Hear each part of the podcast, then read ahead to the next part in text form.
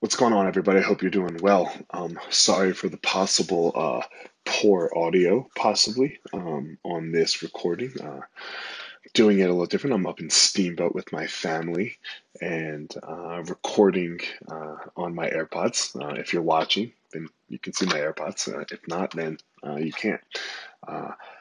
but let's get into it. So, one of the things, uh, and, and I want to talk about this trip to Steamboat um, that I'm on right now, because one of the things that we really have to understand is our needs. And what am I saying here?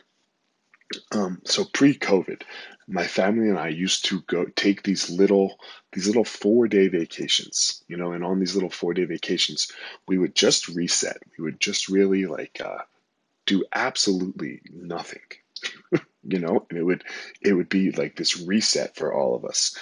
And uh, as we all know, COVID changed the world, right? For like a over a year for all of us. Like this this became very hard. It became very intense with my business in particular. Like leaving it, oh my god, it was like uh, it, it was scary, right? Because you didn't know if you were going to have a business uh, to come back to during during this last year for me. So this this kind of ended and this is the not kind of ended it totally ended.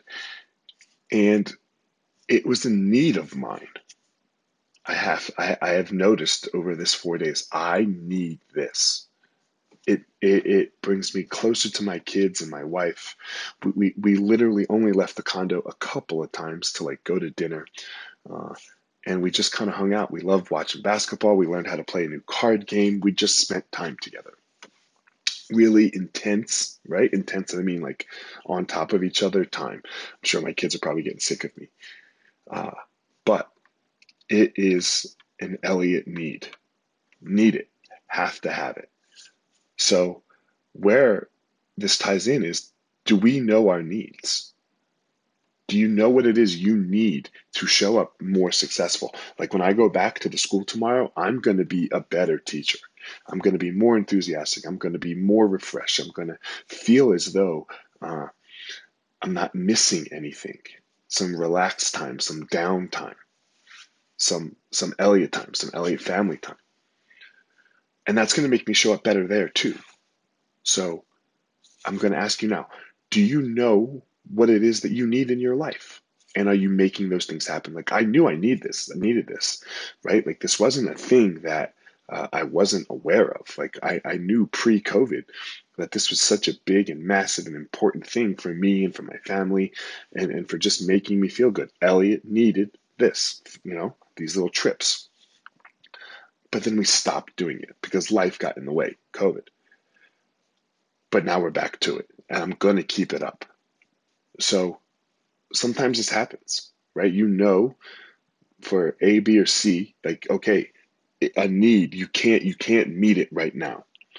But the quicker that you can get back to it realize it and start doing it again uh, i think i put that in the wrong order. Sorry. Realize that you need it get back to it and make it part of your routine the quicker it is that you're going to start feeling better.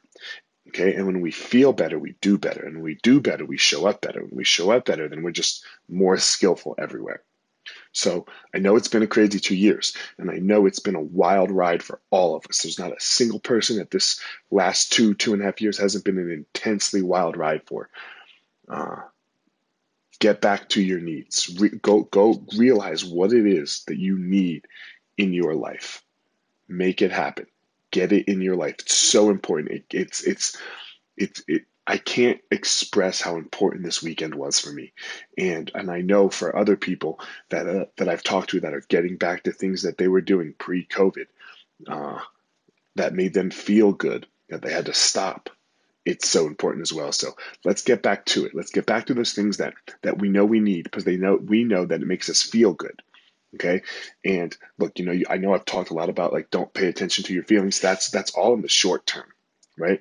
Like not paying attention to things that make you feel good, uh, or if like you know overcoming obstacles. That's short term, but in the long term, Elliot knows he needs to do this, so Elliot better do this. You know, we have to do the things that make us happy and feel fulfilled in the long term, so that we can always have the energy and the power to go overcome in the short term. So let's get back to him. Discover your passion, find your power, go give that purpose to the world. I love you all. Thanks for listening. See you soon.